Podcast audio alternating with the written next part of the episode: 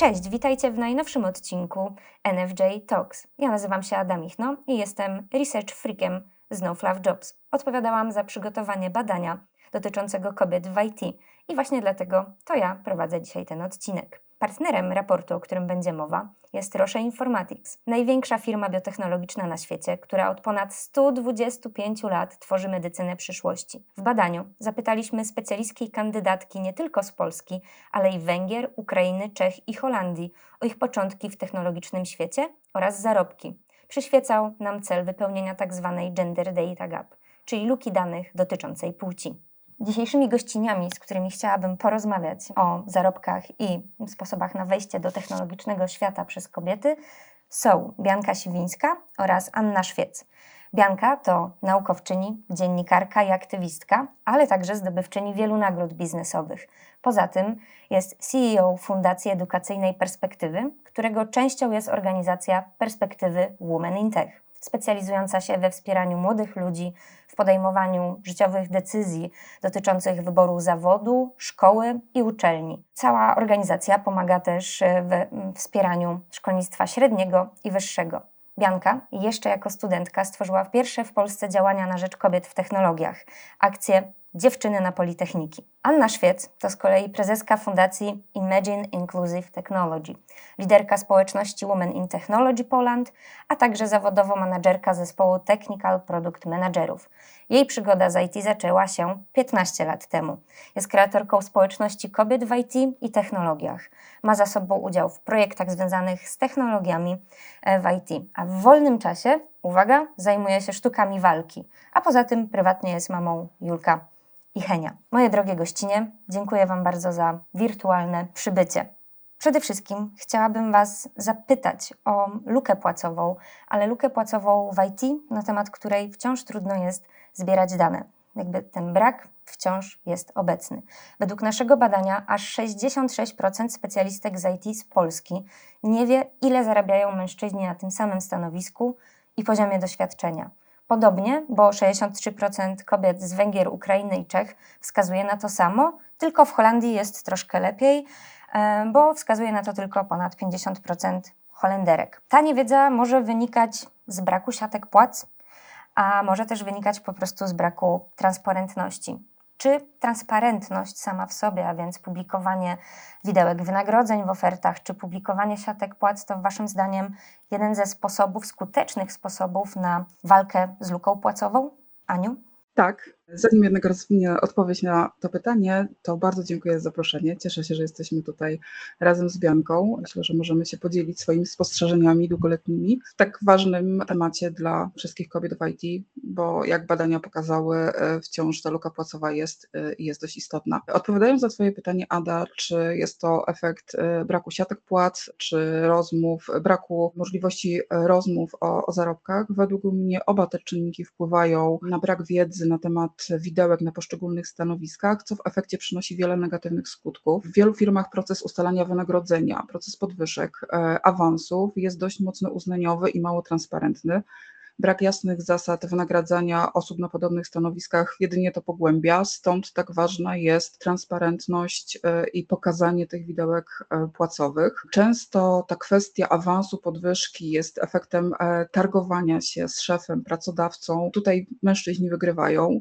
Kobiety wciąż często czują społeczny opór albo dyskomfort przed tego typu działaniami. Zresztą nie tak to powinno wyglądać. Kwestia wynagrodzenia nie powinna być efektem targowania się czy negocjacji, czy w ogóle płci, ale przede wszystkim oceny pracy i kompetencji pracowników. I tutaj odniosę się też do waszego raportu i danych, które e, publikujecie dotyczące tego, na jakim etapie są kobiety w IT, ponieważ 35% e, to kobiety na pozycjach MIT, prawie 25% to juniorki, a połowa badanych kobiet to kobiety zmieniające branżę. Jest to o tyle istotne, że kobiety nie do końca mogą mieć świadomość, jakie stawki płacowe obowiązują w IT. Dodając do tego fakt, że kobiety często mają tendencję umniejszania swoich kompetencji, to wpływa na zaniżanie, na starcie oczekiwanego wynagrodzenia i stąd moim zdaniem ważna jest transparencja y, na etapie po pierwsze pokazywania tych widełek płacowych, y, widełek na stanowiskach, na które aplikujemy, a przede wszystkim też dbałość pracodawców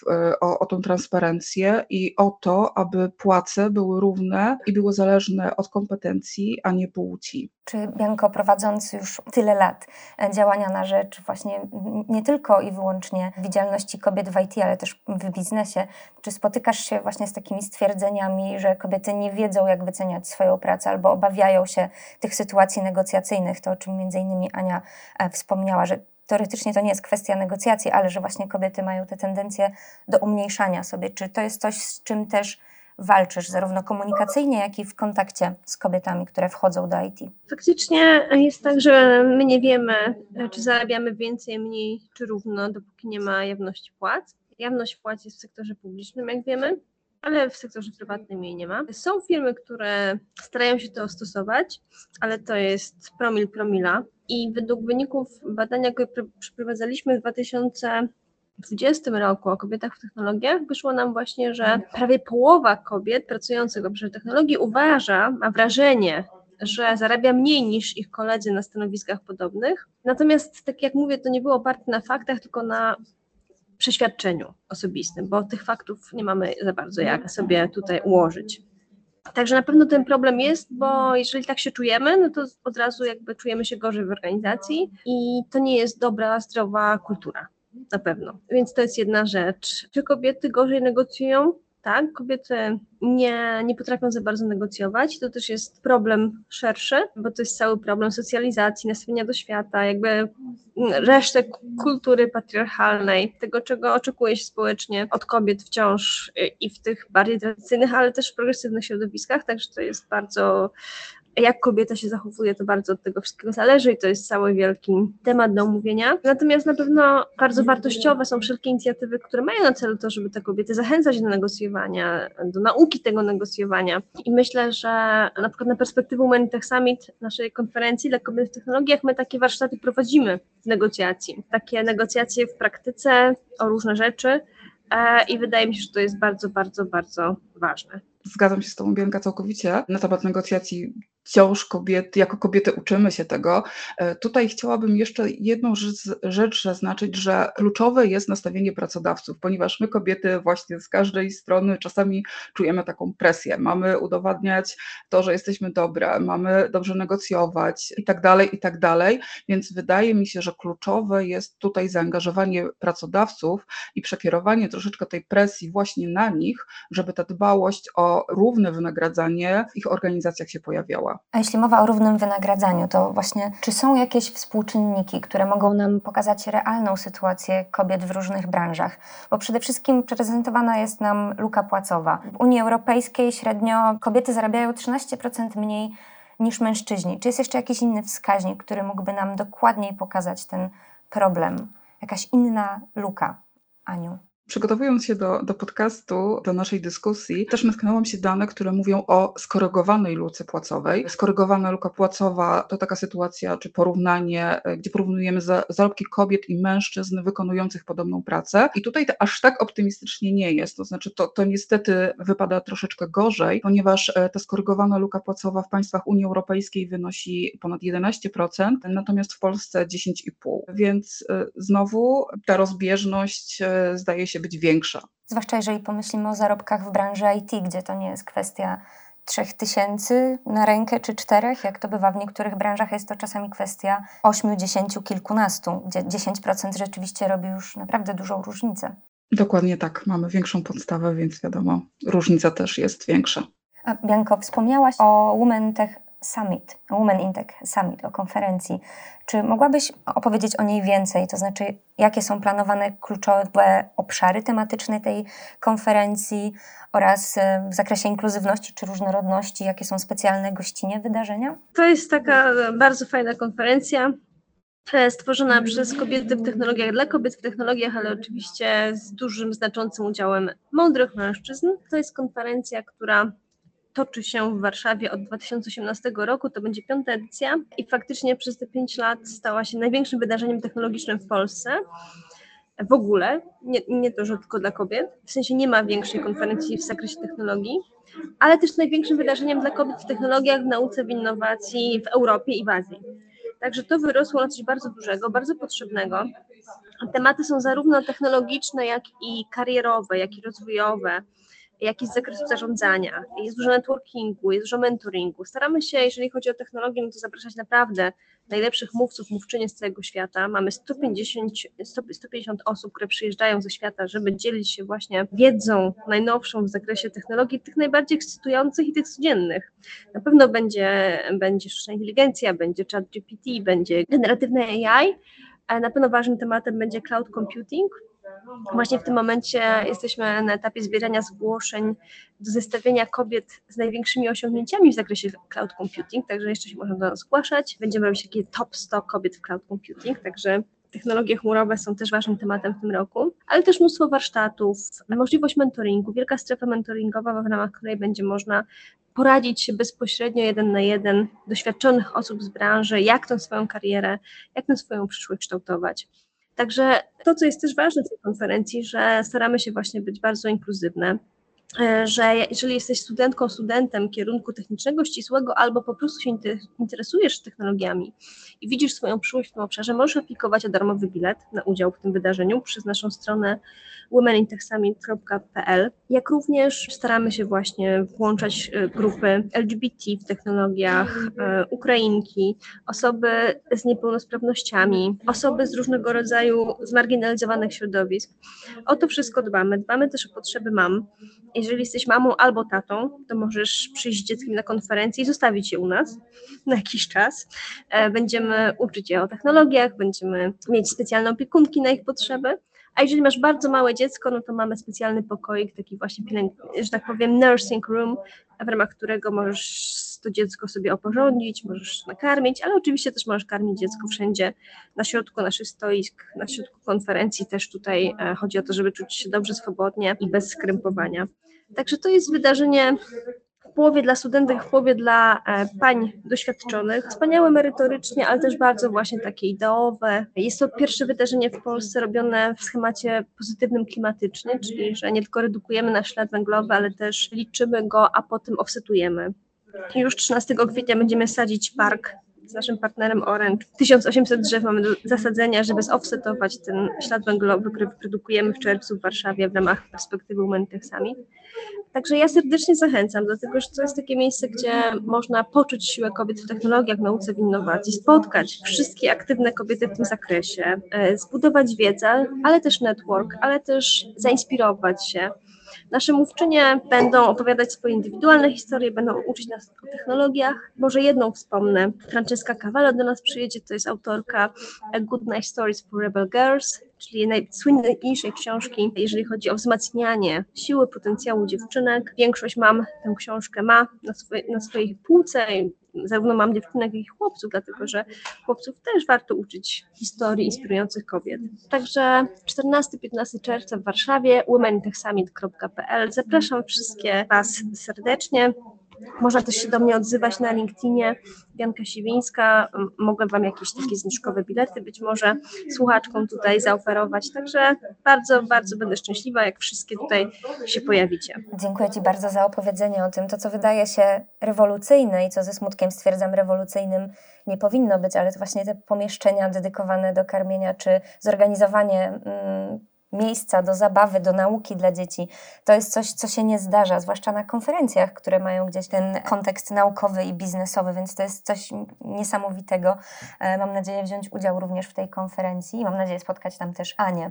Wspomniałaś między innymi o tej książce, która jest dedykowana zarówno dla mam, chłopców, jak i dziewczynek. Ostatnio trafiłam na ciekawy artykuł o mm, nieprzysiadalnych i było tam takie bardzo smutne stwierdzenie o tym, że e, patriarchat zabiera głos kobietom i dziewczynkom, natomiast mężczyznom wyrywa serca, jeżeli chodzi właśnie o to odseparowanie od emocji, więc też dobrze słyszeć, że konferencja, która powstała jako stworzona przez kobiety i dla kobiet, e, ma też miejsce dla mężczyzn, że mm, pokazujemy, że ta inkluzywność zupełność jest warta uwagi wszystkich. A te udogodnienia, które pojawiają się na konferencji, są nie tylko tak naprawdę dedykowane dla matek, ale też dla ojców, którzy chcieliby właśnie przyjść ze swoimi dziećmi. Wydaje mi się to też ciekawym sposobem na to, żeby rodzice mogli pokazać swoim dzieciom, czym się zajmują i zainteresować ich na dosyć nieoczywistym poziomie.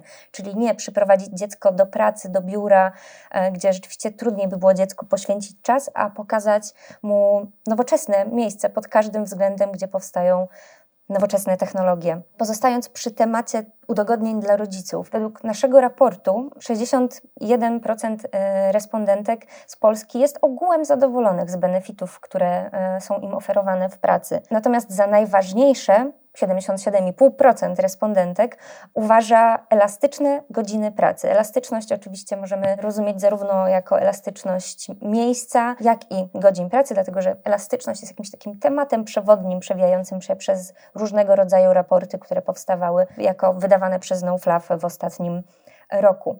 Natomiast co ciekawe, na piątym miejscu ze wskazaniem 39% znajduje się czterodniowy tydzień pracy. Czy spotkałyście się może z jakimś feedbackiem, z jakimiś informacjami na temat tego, jak działa czterodniowy tydzień pracy w branży IT, jak reagują na niego też e, kobiety. A jeżeli nie, to co sądzicie o tych benefitach, które są dedykowane nie ogółem rodzicom, jak na przykład miejsce do pracy sprzyjające też dzieciom, czyli na przykład przedszkola w miejscu pracy, ale co sądzicie o tych benefitach, które są dedykowane tylko i wyłącznie kobietom, jak na przykład e, urlop menstruacyjny? Aniu, może tutaj do Ciebie skieruję najpierw to pytanie.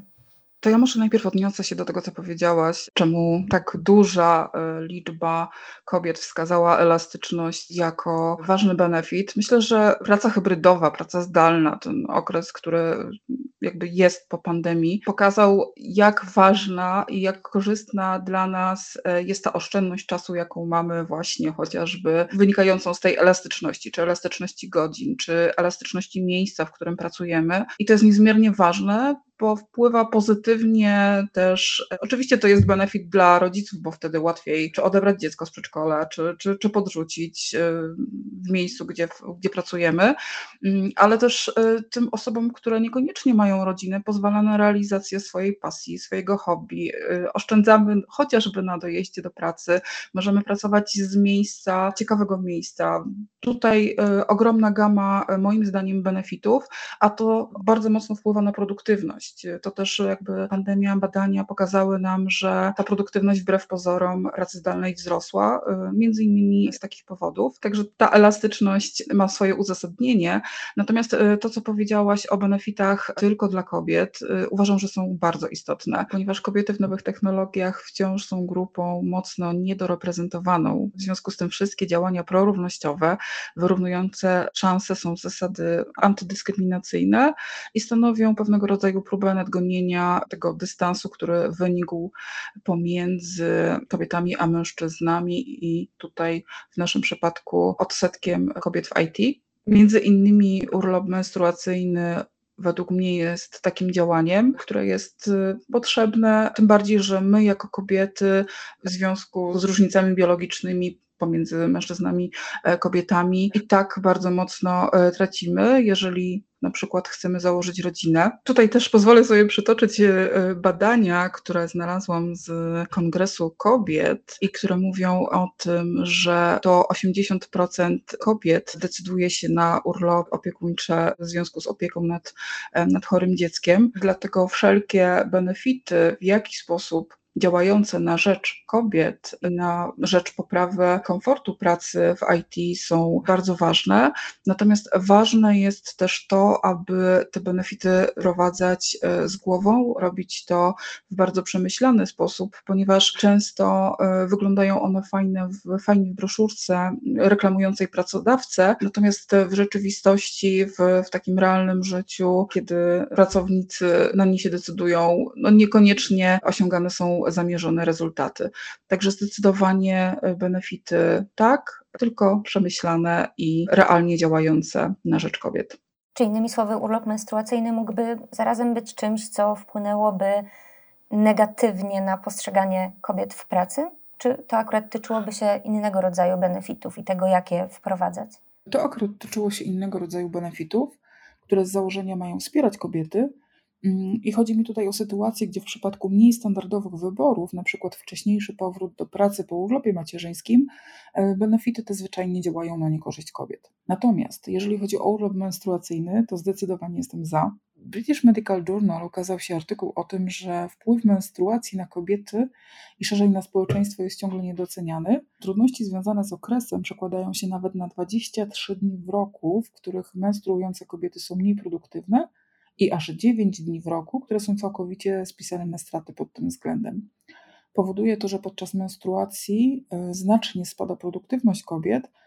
Co więcej, praca w e, warunkach osłabionego samopoczucia fizycznego i psychicznego może stanowić dla nich dyskomfort i w skrajnych przypadkach również zagrożenie zdrowotne. I chociaż menstruacja e, w, dotyczy na jakimś etapie życia prawie połowy światowej populacji, to w miejscu pracy wciąż pozostaje tematem tabu. Z badań zleconych w Stanach Zjednoczonych przez firmę Things wynika, że 51% mężczyzn uznaje mówienie o menstruacji w miejscu pracy za niestosowne, a zawstydzenie z powodu okresu doświadczyło aż 58% kobiet. Uważam, że dlatego tak ważne jest właśnie podnoszenie tego tematu i tutaj według mnie działania Hiszpanii, wprowadzenie urlopu menstruacyjnego jako prawa wpisanego do kodeksu pracy staje się kluczowe, właśnie jako umocowanie prawne takiego rozwiązania i mówienie otwarcie o tym temacie. Aczkolwiek Hiszpania nie jest, jest prekursorem na rynku europejskim, ponieważ w niektórych państwach Azji takie prawo znane jest już od lat. E, na przykład Japonia wprowadziła urlopy menstruacyjne już 75 lat temu. Nie da się jednak ukryć, że jest to rozwiązanie dość kontrowersyjne. Pojawiają się różne opinie, na przykład, że taki urlop tworzy nierówności, e, że jest niesprawiedliwy, że może być przeciwskuteczny, czyniąc kobiecy, kobiety bardziej kłopotliwymi pracownikami, e, że odbiera kobietom prawo do prywatności. Według mnie oznacza to tylko, że taki benefit powinien być wprowadzony w przemyślany sposób i przede wszystkim opierać się na wzajemnym zaufaniu pracownika i pracodawcy, Osobiście uważam, że urlop menstruacyjny nie dyskryminuje w żaden sposób mężczyzn. Jest on bezpośrednio powiązany z cierpieniem kobiet, którego panowie po prostu nie doświadczają. Warto też zaznaczyć, że pojawiają się głosy, że przy urlopie menstruacyjnym, no to przecież można wziąć L4.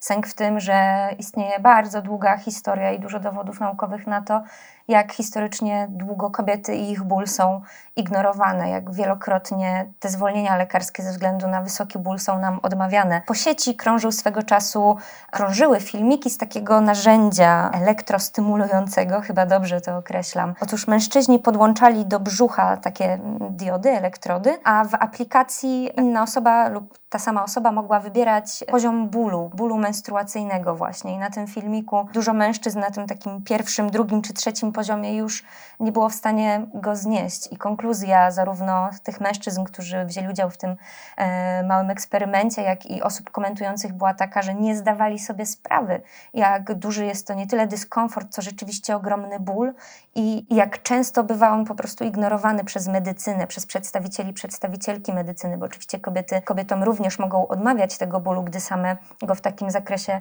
nie doświadczają. Więc myślę, że też ta rola edukacji jest dosyć istotna, bo powiedzenie, że urlop menstruacyjny jest potrzebny, może być niewystarczające, dlatego że potrzebny jest ten kontekst i to wytłumaczenie, co on oznacza tak naprawdę, że jest duży i że spotyka się po prostu z niezrozumieniem też w środowisku medycznym. A jeżeli pracodawca lub pracodawczyni okaże to zrozumienie, to będzie to zarówno skutkować komfortem pracy danej kobiety i bezpieczeństwem w miejscu pracy, a przynajmniej tak mi się wydaje. Bianko, a czy mm, jeżeli chodzi o czterodniowy system pracy, bo to akurat było coś zaskakującego dla nas, że tak wysoko e, to się pojawiło. Czy wśród osób, z którymi masz do czynienia, ze studentkami, kandydatkami, ale też kobietami, które w IT już są dłużej, spotykasz się z takimi głosami, że to jest coś potrzebnego zarówno od strony prywatnej, jak i od strony biznesowej? Długość tygodnia pracy w mojej ocenie nie jest taka ważna, tylko właśnie ważna jest jakby rozłożenie tej pracy, obciążenie. I czy to, wiesz, czy to się będzie robiło przez 5 dni, czy przez 4, jeżeli się zrobi tę pracę, która przypada na ten dany okres, no to jakby to jest bez znaczenia. Oczywiście fajnie byłoby mieć trzydniowy weekend i myślę, że generalnie gospodarki światowe, te najbogatsze w tę stronę idą, ale tak powiem, chyba nie chodzi o to, tylko właśnie bardziej dokładnie chodzi o obciążenie samo w sobie. Jeżeli chodzi o ten urlop okresowy, to myślę, że to jest bardzo ciekawe zagadnienie. Niedawno moja organizacja przystąpiła do takiej koalicji okresowej, czyli takiej inicjatywy ustawodawczej, społecznej, która ma na celu to, żeby w każdej szkole były dostępne środki higieniczne dla kobiet, służące właśnie do zarządzania, że tak powiem, skutkami zaskoczenia okresowego. No i teraz pytanie właśnie, no dobrze, ale chłopcy nie mają podpasek, tak? Czy to nie jest dyskryminacja w takim razie? I dlaczego na przykład jest tak, że z budżetu państwa mielibyśmy kupować ten akurat produkt, ten akurat artykuł. Wokół tego jest dużo dyskusji. Ale z drugiej strony właśnie jest tak, że kobietom jednak jest trudniej po prostu. Jest ten okres, są dodatkowe wydatki, jest, jest ten taki okres, kiedy jesteś młoda i ten okres cię zaskakuje, nie bardzo nad tym panujesz. Duża część dziewczynek z tego powodu opuszcza szkołę, traci lekcje. Jeżeli nie ma takiego dostępu szerokiego do tego, jest to też temat taki trudny, wstydliwy. No i potem właśnie te bolesne okresy już w czasie studiów, nauki czy pracy zawodowej. E, wydaje mi się, że to jest jak najbardziej sensowne rozwiązanie, dlatego że powodu tego jednego dnia w miesiącu no, gospodarka się nie zawali na pewno, a kobiety będą czuły właśnie, że ktoś w końcu zrozumiał, że one mają trudniej. Ja pamiętam, nie wiem czy, czy widziałyście to, ale takie t-shirty z takim napisem robię to wszystko, co ty, krwawiąc. To właśnie właśnie o okresie, tak? Różnimy się faktycznie biologicznie, różnimy się na, na wielu poziomach z mężczyznami. No i tutaj właśnie to jest taki obszar, że możemy zostać wsparte. I wydaje mi się, że jeżeli tak można zadziałać, to powinniśmy tak działać. Te koszulki rzeczywiście kojarzę. Pojawiały się też u mnie na uczelni, ale wydaje mi się, że to jest ta kwestia wstydu, tabu wokół e, okresu, tego tabu, które e, mówi nam, że kobieta jest wtedy nieczysta, w niektórych kulturach nawet mniej godna chociażby wykonywania pewnych czynności w kulturze europejskiej, w kulturze polskiej nie mamy tego problemu na aż takim poziomie. Niemniej prawdopodobnie samo to, że teraz o tym rozmawiamy, może e, w niektórych słuchaczkach czy słuchaczach wzbudzić taki sprzeciw, że jest to temat być może dziwny, nie na tę okazję, więc mam nadzieję, że rozmawiając o tym też przyczynimy się do przełamywania tego tabu i że osoby teraz nas słuchające pomyślą, no rzeczywiście, skąd ten mój opór może wynikać i że sam fakt tego zastanowienia się e, może przyczynić się do pewnej zmiany myślenia. A jeśli idzie o samą zmianę myślenia, to przede wszystkim chciałabym z Wami też porozmawiać o edukacji i o tym, jak kobiety się przebranżawiają, jak zaczyna się ich przygoda z IT. Warto zaznaczyć, że aż 42% badanych w naszym raporcie wskazało, że weszło do IT w wyniku procesu przebranżowienia. 22% kobiet ukończyło z kolei studia technologiczne lub informatyczne. Co ciekawe, wśród badanych, które są także mamami, odsetek kobiet, które się przebranżowiły, jest wyższy aż o 10 punktów procentowych, bo wynosi aż 52%. Odnotować też warto, że w Polsce w latach 2016-2021 liczba kobiet studiujących kierunki informatyczne wzrosła o 38%, jak podaje raport Kobiety na Politechnikach 2022. Dodajmy też, że spośród respondentek, które zdecydowały się przebranżowić lub uczyły się we własnym zakresie, aż 76% uczyło się samodzielnie z materiałów dostępnych w sieci i książek, a ponad połowa badanych wspomagała się również kursami i szkoleniami. Zaznaczyć również warto, że znajomości, a więc i mentoring są niezwykle istotne w IT, ponieważ 18% respondentek wskazało, że w rozkręceniu kariery pomogli i pomogły im znajomi oraz znajome z branży technologicznej. Zatem, jakie programy mentoringowe prowadzicie w swoich organizacjach? Jak wspieracie kobiety? Bianko? Akurat dobrze się składa, bo mamy właśnie otwarty nabór do programu IT for She, w ramach którego wspieramy kierunki technicznych, kierunków i ścisłych, które są zainteresowane właśnie stricte programowaniem. I tutaj oferujemy mentoring u doświadczonych pracowników i pracownic firm technologicznych. I przedmiotem tego mentoringu może być oczywiście pogłębianie czy budowanie od zera nawet wiedzy właśnie w zakresie mm, programowania. Także it4she.pl, tam można się zgłosić. Tam mamy też wizerunki 50 mentorów i mentorek, których opiekę można sobie wybrać, można zaaplikować. Trzeba uzasadnić, dlaczego się wybiera właśnie tę, a nie inną osobę. jakiego typu wiedza, jakiego typu umiejętności chce się uzyskać w ramach tego mentoringu. No i ten mentoring trwa 8 e, miesięcy i kończy się na naszym Women in Tech Camp. To jest taki obóz w grudniu dla dziewczyn w technologiach. Tam bierze w tym udział 300 osób w sumie. To jest takie 5 dni warsztatów technologicznych, karierowych, z zakresu umiejętności miękkich, ale też właśnie mentoringu, rozwijania projektów.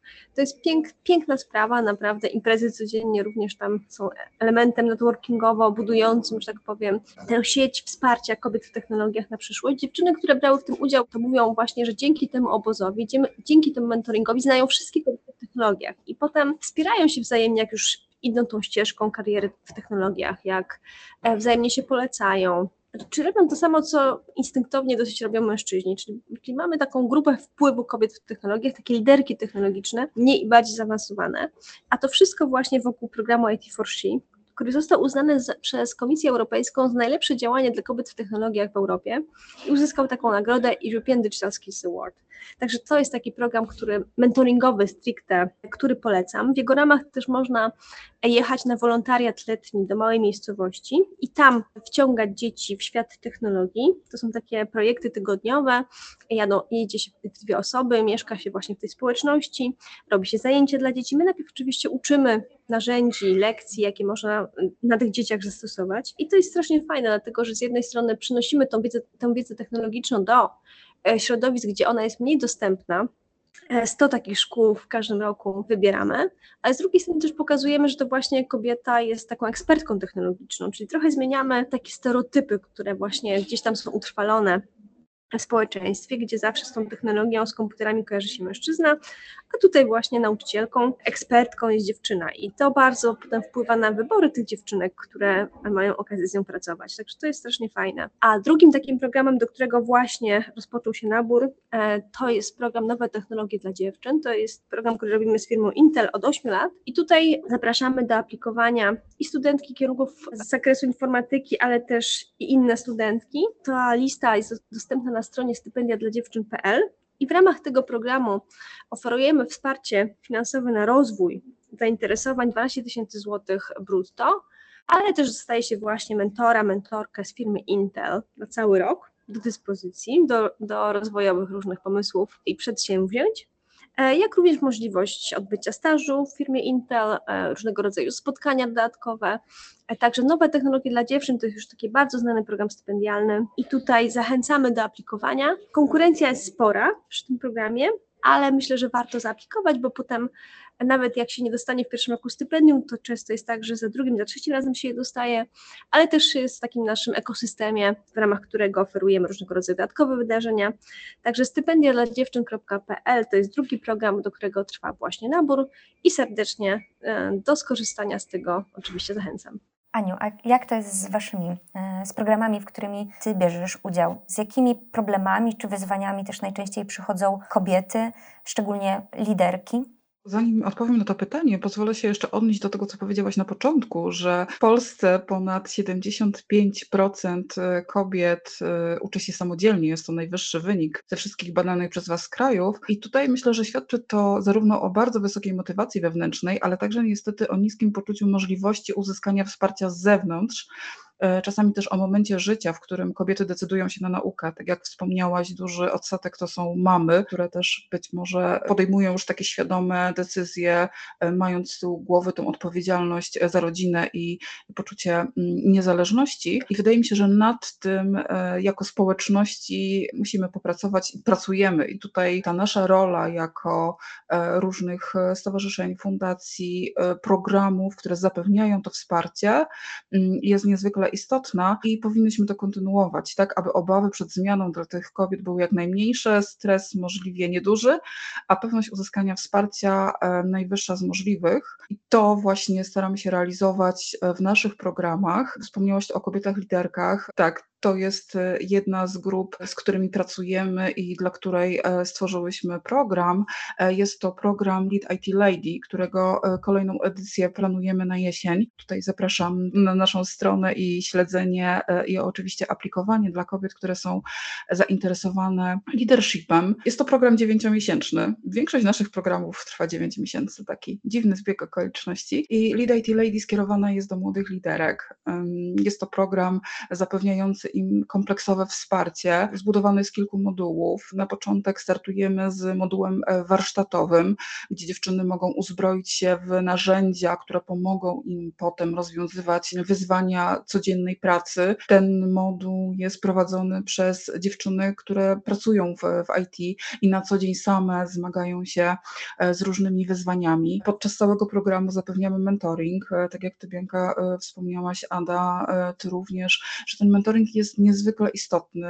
Posiadanie osoby, która może nas wesprzeć, która nas rozumie, która może nas pokierować, z którą możemy po prostu przegadać e, pewne rzeczy, jest niezwykle istotny. I też osobiście wierzę w siłę mentoringu, ponieważ jest to relacja obustronna i zarówno dla osoby, która jest tą mentee, e, która jest mentorowana, ale też dla e, mentorów, mentorek wiele wnosi. Wracając do, do projektu, to co jest niezwykle istotne i to na co też stawiamy we wszystkich naszych programach, to wsparcie społeczności i tworzenie tych społeczności. I y, mamy już za sobą y, jedną edycję Lead IT Lady, która pokazała nam, jak y, niezwykle ważne jest również włożenie pracy czy zbudowanie społeczności z dziewczyn, które potem kończąc nasz program mają naprawdę świetną grupę wzajemnie wspierających się kobiet.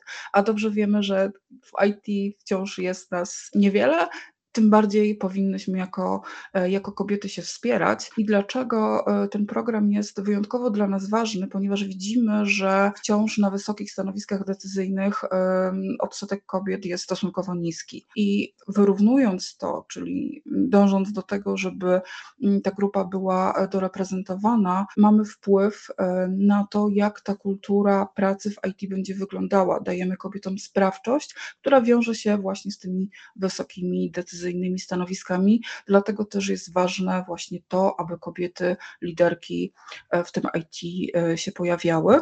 I pozwolisz, że wspomnę jeszcze o jednym z naszych e, programów, mm, stricte programie mentoringowym. To jest program Tech Leaders, który tworzymy już od ponad 8 lat. W tym roku odbywa się ósma edycja. I jest to program czteromiesięczny. Dziewczyny, y, kobiety biorące udział w programie pracują w sesjach jeden na jeden e, z, wybranych, e, z wybranym przez siebie mentorem. E, tutaj bardzo mocno pracujemy nad tym, aby zakres spektrum mentorów był z różnych dziedzin IT i na różnych poziomach, żeby zapewnić wsparcie dziewczynom, zarówno tym, które chcą się przebranżowić, które są na początku kariery, ale też tym, które już w tym IT są i chcą się dalej rozwijać rozwijać. Stąd też takie działania mm, dbające o to, jakich mentorów mamy, są niezwykle ważne. E, I co jest e, ciekawe, w tym roku na e, prawie 150 miejsc w programie, bo tylu mentorów mamy, dostałyśmy ponad 2000 zgłoszeń. Jest to bardzo dużo, ale to przede wszystkim pokazuje potrzebę jaką, e, jaka wciąż jest e, dla tego typu programów i właśnie to wsparcie, żeby e, kobiety mogły rozwijać się nie tylko poprzez tą samodzielną naukę, ale rzeczywiście poprzez te dodatkowe działania, jak mentoring, jak networking, jak zapewnienie takiej bezpiecznej sfery do tego, żeby móc, móc eksperymentować, żeby móc uczyć się tego IT. Powiemy, to, to, nie tylko, to nie tylko twarda wiedza, ale to też cała cała, ta otoczka, czyli praca w grupie, praca w różnych e, metodologiach, e, przygotowanie do rozmowy o pracę, czy mm, wszystkie te e, rzeczy wiążące się z wejściem do IT, czy odnalezieniem się w IT. Jeśli mowa o wsparciu, to nie da się też uniknąć tematu towarzyszącemu nas przez, nam przez ostatni rok. Mam na myśli migrację wojenną, mam na myśli napływ kobiet i też mężczyzn do naszego kraju e, z Ukrainy. Czy Wasze organizacje mm, podejmowały jakieś działania e, w związku z kobietami z e, Ukrainy? Warto dodać, że według naszego badania odsetek kobiet, które są z Ukrainy i które się przebranżowiły, jest najwyższy. To znaczy, aż 45% Ukrainek weszło do branży w wyniku przebranżowienia i podobny odsetek co w Polsce, bo 18,6% ukończyło studia z zakresu właśnie e, STEM. Jak to jest e, u Was? Czy miałyście okazję organizować tego typu warsztaty, czy rozmawiać z kobietami, które albo były już w IT i przyjechały do Polski, albo dopiero po przyjeździe do Polski postanowiły coś zmienić w swojej karierze? Bianko? Nasza organizacja zawsze bardzo dużo działała e, na wschodzie, nie tylko na, w Ukrainie, ale też e, Białoruś, e, kraje Kaukazu, Azja Centralna. Także mieliśmy dużo stypendiów dla tych dziewczyn w IT, które przyjeżdżały do nas stamtąd na summit, ale Ukraina zawsze była takim najważniejszym celem największy kraj, taki najbliższy nam. Także tutaj zawsze dziewczyn z Ukrainy u nas było bardzo, bardzo dużo, po kilkaset na konkretnym samicie. No i jak wybuchła wojna, no to jakby dla nas było oczywiste, że, że będziemy robić różnego rodzaju działania. Udało nam się zebrać 2,5 miliona złotych od naszych partnerów technologicznych na taką pomoc doraźną w formie stypendiów dla studentek i studentów z Ukrainy, takich zapomóg finansowych natychmiastowych. I oczywiście to robiliśmy, natomiast to nie jest taka nasza specjalizacja. E, zawsze jednak my jesteśmy organizacją, która gdzieś tam ma na celu budowanie umiejętności, inspirowanie i stwierdziliśmy, że ten następny nasz krok, jeżeli chodzi o pomoc Ukrainie, powinien być właśnie w tym naszym obszarze tego, co my potrafimy i co my mamy dodania, gdzie mamy doświadczenie. W związku z tym powstała idea takiego dużego projektu Incubating Freedom for Ukraine, Adapting Women to Digital Economy, w ramach którego postanowiliśmy przebranżowić do IT 30 tysięcy migrantek ukraińskich, które przybyły do Polski właśnie w wyniku wybuchu wojny w Ukrainie. Jest ich w tym momencie 1,5 e, miliona w Polsce. Przez Polskę przejechało ich o wiele więcej. Jest ich dużo w Europie, w różnych miejscach. E, są to kobiety z wyższym kształceniem, e, bardzo zmotywowane do działania, że tak powiem, no, przez tą swoją sytuację, no, jakby zmuszone do tego, żeby właśnie szukać nowych ścieżek, żeby próbować się osadzić na tym rynku pracy, żeby próbować się zaadaptować. W tym momencie e, duża część z nich wykonuje pracę poniżej swoich kwalifikacji, albo w ogóle nie ma pracy. Jeżeli jakaś medyczka z Ukrainy przyjechała, e, doktor medycyny, nie może na przykład u nas leczyć. Także to jest cały czas nasz rynek pracy jest bardzo zamknięty na, na te osoby. W związku z tym takie połączenie tej potrzeby e, polskiej gospodarki, nam brakuje ludzi do rol techowych i bardziej mniej zaawansowanych. E, dużym firmom e, brakuje oczywiście programistów, natomiast małym firmom brakuje ludzi od cyfrowego marketingu, od testowania, od różnych takich prostszych rzeczy. W związku z tym zdecydowaliśmy się właśnie takich pięć ścieżek edukacyjnych z zakresu cyberbezpieczeństwa, e, Pythona, digital marketingu, testowania i UX design zaoferować właśnie darmowo kursy online'owe dla Ukrainek. I jesteśmy w tym momencie na takim etapie, żeby właśnie ten projekt uruchamiać, e, jego fazę pilotażową. E, pierwsze tysiąc osób mamy już praktycznie zwerbowanych. Wierzymy, że zaoferowanie osobom nowym, osobom z też trudnych na przykład środowisk, e, tego typu ścieżki rozwojowej, to nie jest rozwiązanie tylko na 30 tysięcy Ukrainek w Polsce, ale w ogóle na pro, problem migracji do Europy, coraz bardziej zaostrzający się, w ogóle na problem osób, e, którym trudno się odnaleźć na rynku pracy. Dlatego takie rozwiązanie dobrze sformatowane, dobrze przetestowane może być naprawdę takim game changerem w skali całej Unii Europejskiej. Dlatego też nasze ambicje wokół tego programu są bardzo szerokie. Też staramy się robić e, bardzo duże badania pod niego, bardzo dobrze to wszystko zdefiniować, żeby to miało taki wymiar takiego rozwiązania systemowego w przyszłości. I wydaje nam się, że to jest bardzo naturalne właśnie, że tak się zdarzyło, że akurat do naszych krajów przyjechały kobiety i to kobiety z dziećmi i to jakby no jest i szansą, jest pewną szansą też dla Ukrainy, dlatego że momencie mężczyźni tam walczą, giną, traumatyzują się, a te kobiety tutaj E, jeżeli zostaną wzmocnione, zainspirowane, jeżeli zdobędą nowe umiejętności, jeżeli uwierzą w siebie, rozwiną te skrzydła, nabiorą właśnie tych umiejętności technologicznych, jakże potrzebnych nie tylko Polsce, ale i Ukrainie w przyszłości, to one tę nową Ukrainę mogą budować. Wydaje mi się, że no to jest bardzo piękny projekt i bardzo cieszę się, że on tak się dobrze rozwija i też, że nasza organizacja z, z tymi swoimi specyficznymi kompetencjami mogła e, takie rozwiązanie zaoferować. Także wiem, że dużo się dzieje, dużo różnych działań ma miejsce. Ja bardzo wierzę właśnie w działania dużoskalowe i takie systemowe. A czy po tych warsztatach Incubating Freedom otrzymałyście jakiś y, feedback od uczestniczek, który zapadł Ci w pamięć? Jeszcze nie, nie skończyliśmy pierwszego cyklu szkoleń, natomiast feedback jest oczywiście bardzo dobry. Natomiast pytanie jest o taki feedback życiowy, czyli czy te kobiety zdobędą pracę potem, bo jakby my postawiliśmy sobie za cel, żeby te ścieżki kształcenia dokładnie odpowiadały potrzebom rynku pracy. Robiliśmy badanie tych potrzeb, analizę ogłoszeń o pracę, między innymi No Fluff Jobs było dla nas źródłem właśnie materiału do analizy danych, jeżeli chodzi właśnie o konkretne zapotrzebowania, konkretne oprogramowania, umiejętności, e, jeżeli chodzi właśnie tu i teraz i w perspektywie najbliższych miesięcy na tym rynku pracy. Dlatego tym właściwym feedbackiem to dla nas będzie to, że faktycznie nasze e, podopieczne tę pracę zdobędą. Nie jesteśmy w stanie im tego zagwarantować, ale jesteśmy w stanie im tak zdefiniować e, tę, tę ścieżkę naukową, to doświadczenie treningowe, żeby faktycznie one były konkurencyjne na rynku pracy i to jest nasza ambicja. Aniu, a jak to jest z e, działaniami, w których Ty miałaś okazję brać udział lub które miałaś okazję e, projektować? W naszej organizacji bardzo mocno stawiamy na inkluzywność w każdym projekcie, który tworzymy. Właśnie zakończyłyśmy rekrutację do programu Go for Java Girl. Jest to program, którego główną częścią jest intensywnie szkolenie e, Java Developer i ukończenie kursu zapewni grupie uczestniczek solidne podstawy do rozpoczęcia kariery w IT na stanowisku technicznym z wykorzystaniem umiejętności właśnie w programowaniu języka e, Java.